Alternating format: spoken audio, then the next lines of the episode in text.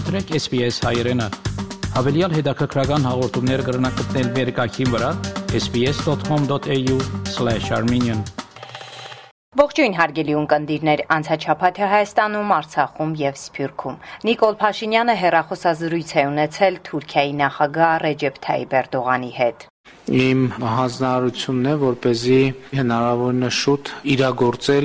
ձեռք բերված պայմանավորվածությունները։ Արցախում աճել է ծնունդների թիվը։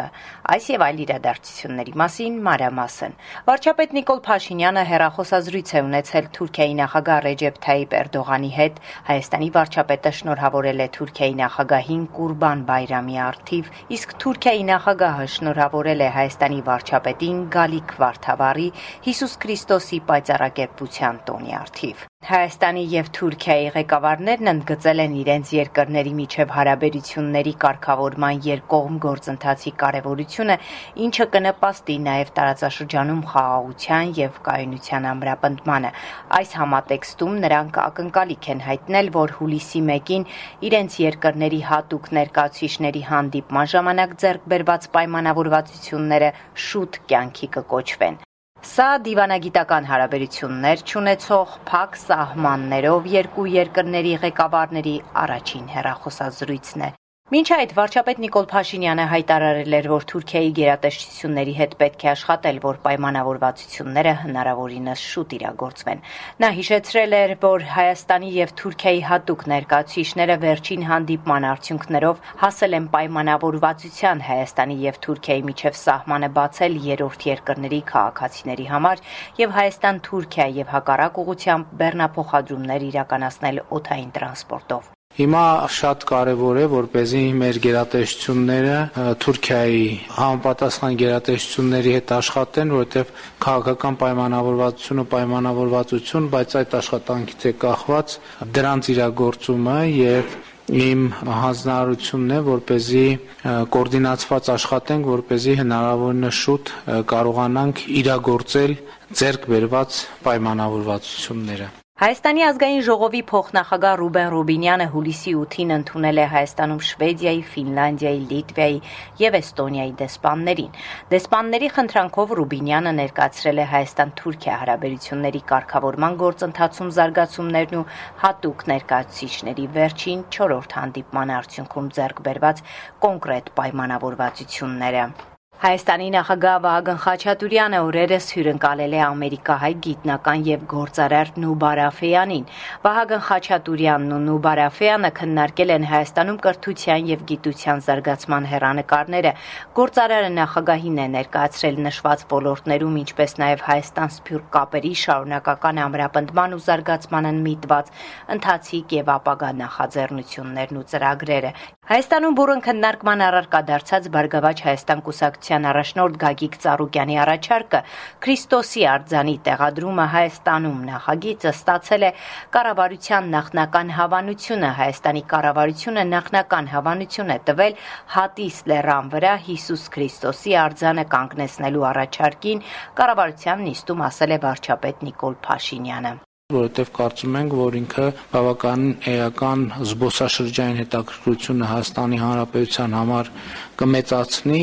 Բարգավաճ Հայաստան կուսակցության առաջնորդ Գագիկ Ծառուկյանը փրկչի արձանը տեղադրելու մտադրության մասին հայտարարել էր այս տարվա հունվարին։ Հայ առաքելական եկեղեցին սակայն մի քանի անգամ բարձրաձայնել է Քրիստոսի արձանի տեղադրումը հայ եկեղեցուն հարիր չէ։ Ծառուկյանը սակայն չի հրաժարվել գաղափարից։ Շաբաթօրը հատիս Լեռան գագաթին տեղի է ունեցել Քրիստոսի արձան համալիրի կառուցման հիմնարկեքի արարողությունը։ 77 մետր բարձրություն կունենա Քրիստոսի արձանն ու պատվանդանը միասին։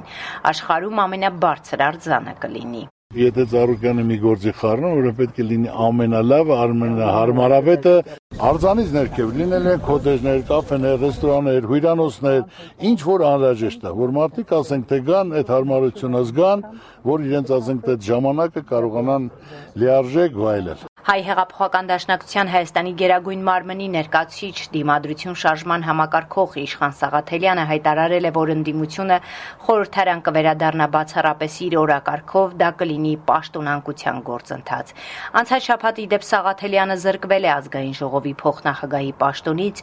իշխող քաղաքացիական պայմանագրի падգամավորներն են քվեարկել, ազգային ժողովի մոտ բողոքի ակցիա է տեղի ունեցել։ Արցախ. Բաքուն ոչնչացնում է Շուշիի կանաչ ժամի կամ Ղարաբաղ ցոց եկեղեցու հայկականությունը։ Տեր Մեսրոպ Քահանա Մկրտչյանը Շուշիի Սուրբ Հովանես Մկրտիչ եկեղեցու հանրության շրջանում հայտնի կանաչ ժամի կամ Ղարաբաղ ցոց եկեղեցու հոգևոր հովիվն էր։ Վերջին անգամ եկեղեցում Սուրբ Պատարագ է մատուցել պատերազմի տարում սեպտեմբերի 27-ից մեկ շաբաթ անց Տեր հայրը Սուրբ Հովանես եկեղեցու դռները չի փակել Շուշիից դուրս գալիս դուրս է եկել դատարկաձեռն քահանայական պայուսակով, քահանայական հագուստով, աչքերը խաչին։ Քահանայի խոսքերն է մեջբերում Հայաստանի հանրային ռադիոն եկեղեցու գմբեթները պայթեցրել են, դա եղել է պայմանագրի ստորագրումից 3 օր անց։ Դրանից հետո մեր ուրիշ որևէ բան գործողություն չեն կատարել, տարածքում ինչքան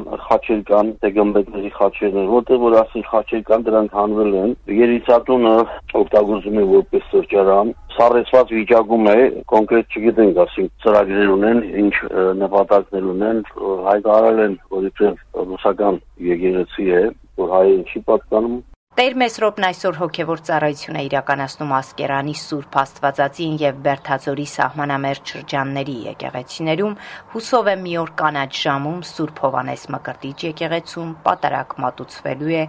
ու նպատակի իրագործման համար քահանան ամեն օր է աղոթում։ Դեպի երկիր ծրագիրը հայրենիքը ճանաչելու ճանապարհ նախաձեռնության հեղինակները համահայկական գրական ընտանիքի ներկայացուցիչներն են հերթական այցի հասցեն Արցախյան հատվածն է տեսածից տպավորված են ասում են թեկուզ վիրավոր բայց Արցախը շարունակում է համազգային ողքեվորության աղբյուր մնալ իրենց գլխավոր անելիքներից մեկն այն են համարում որ շատերը կարողանան այցելել Արցախ տեսնել այն զգալ ինչ իրենք են զգացել։ Համահայկական գրողների միության նախագահ Աբգար Ափինյանին լսենք։ Տերը լինելով Արցախի, Հայաստանը սկսելու է մշակութային մի մեծ ու լայն շարժում ազգային մշակույթով ողելու համար Հայաստանի բոլոր բոլոր մարզերն ու շրջանները։ Այսինքն Արցախը ոչ եկան կորովի այն կենտրոնն է, որը սնուցելու է ամբողջ Հայաստանը։ Ընթացիկ տարվա առաջին կիսամյակում Արցախում գրանցվել է 864 ծնունդ, որը 2021 թվականի նույն ժամանակաշրջանի համեմատ ավել է 204-ով կամ 131%-ով։ Ծնված երեխաների թվում գերակշռել են տղաները, կազմելով 53.6%։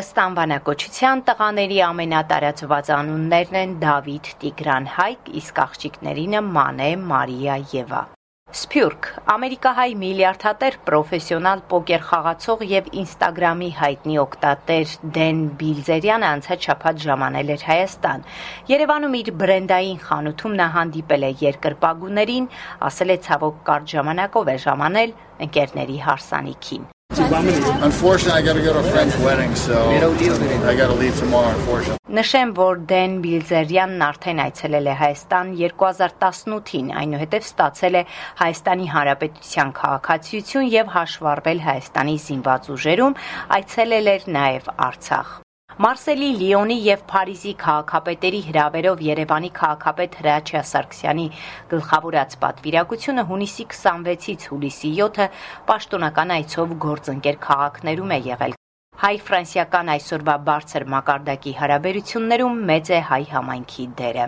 Կարևոր է անշուշտ, որ ֆրանսահայերը եւ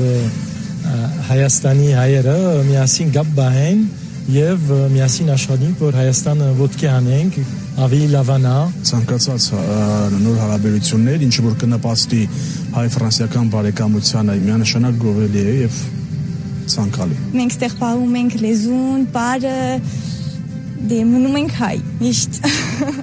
Ավարտվել է նորին Սուրբոծություն Տերտեր Գարեգին երկրորդ ամենայն հայոց կաթողիկոսի օրհնությամբ եւ հայ եկեղեցու համաշխարհային երիտասարդական միավորման հոգեվոր առաջնորդ Գերաշնոր Տեր Հովնան arczepiskopos Տերտերյանի առաջնորդությամբ հուլիսի 6-ից 10-ը անցկացված Հայաստան Սփյուռք կամուրջ խորագրով համահայկական ուխտագնացությունը արդեն ավանդական դարձած ուխտագնացությանը մասնակցել է մոտ 200 երիտասարդ Հայաստանից, Արցախից եւ Սփյուռքից։ Կարեգին երկրորդ ամենայն հայոց կաթողիկոսն իր падգամն է փոխանցել ուխտավոր երիտասարդներին, գոհունակություն հայտնելով հայրենիքից եւ աշխարհասփյուր հայ համայնքներից Մայրաթոր Սուրբ Էջմիածնում նրանց համախմբման առիթով։ Այսքանը անցնող շաբաթը Հայաստանում, Արցախում եւ Սփյուռքում SBS-ի համար ամփոփեց Գիտալի Բեկյանը։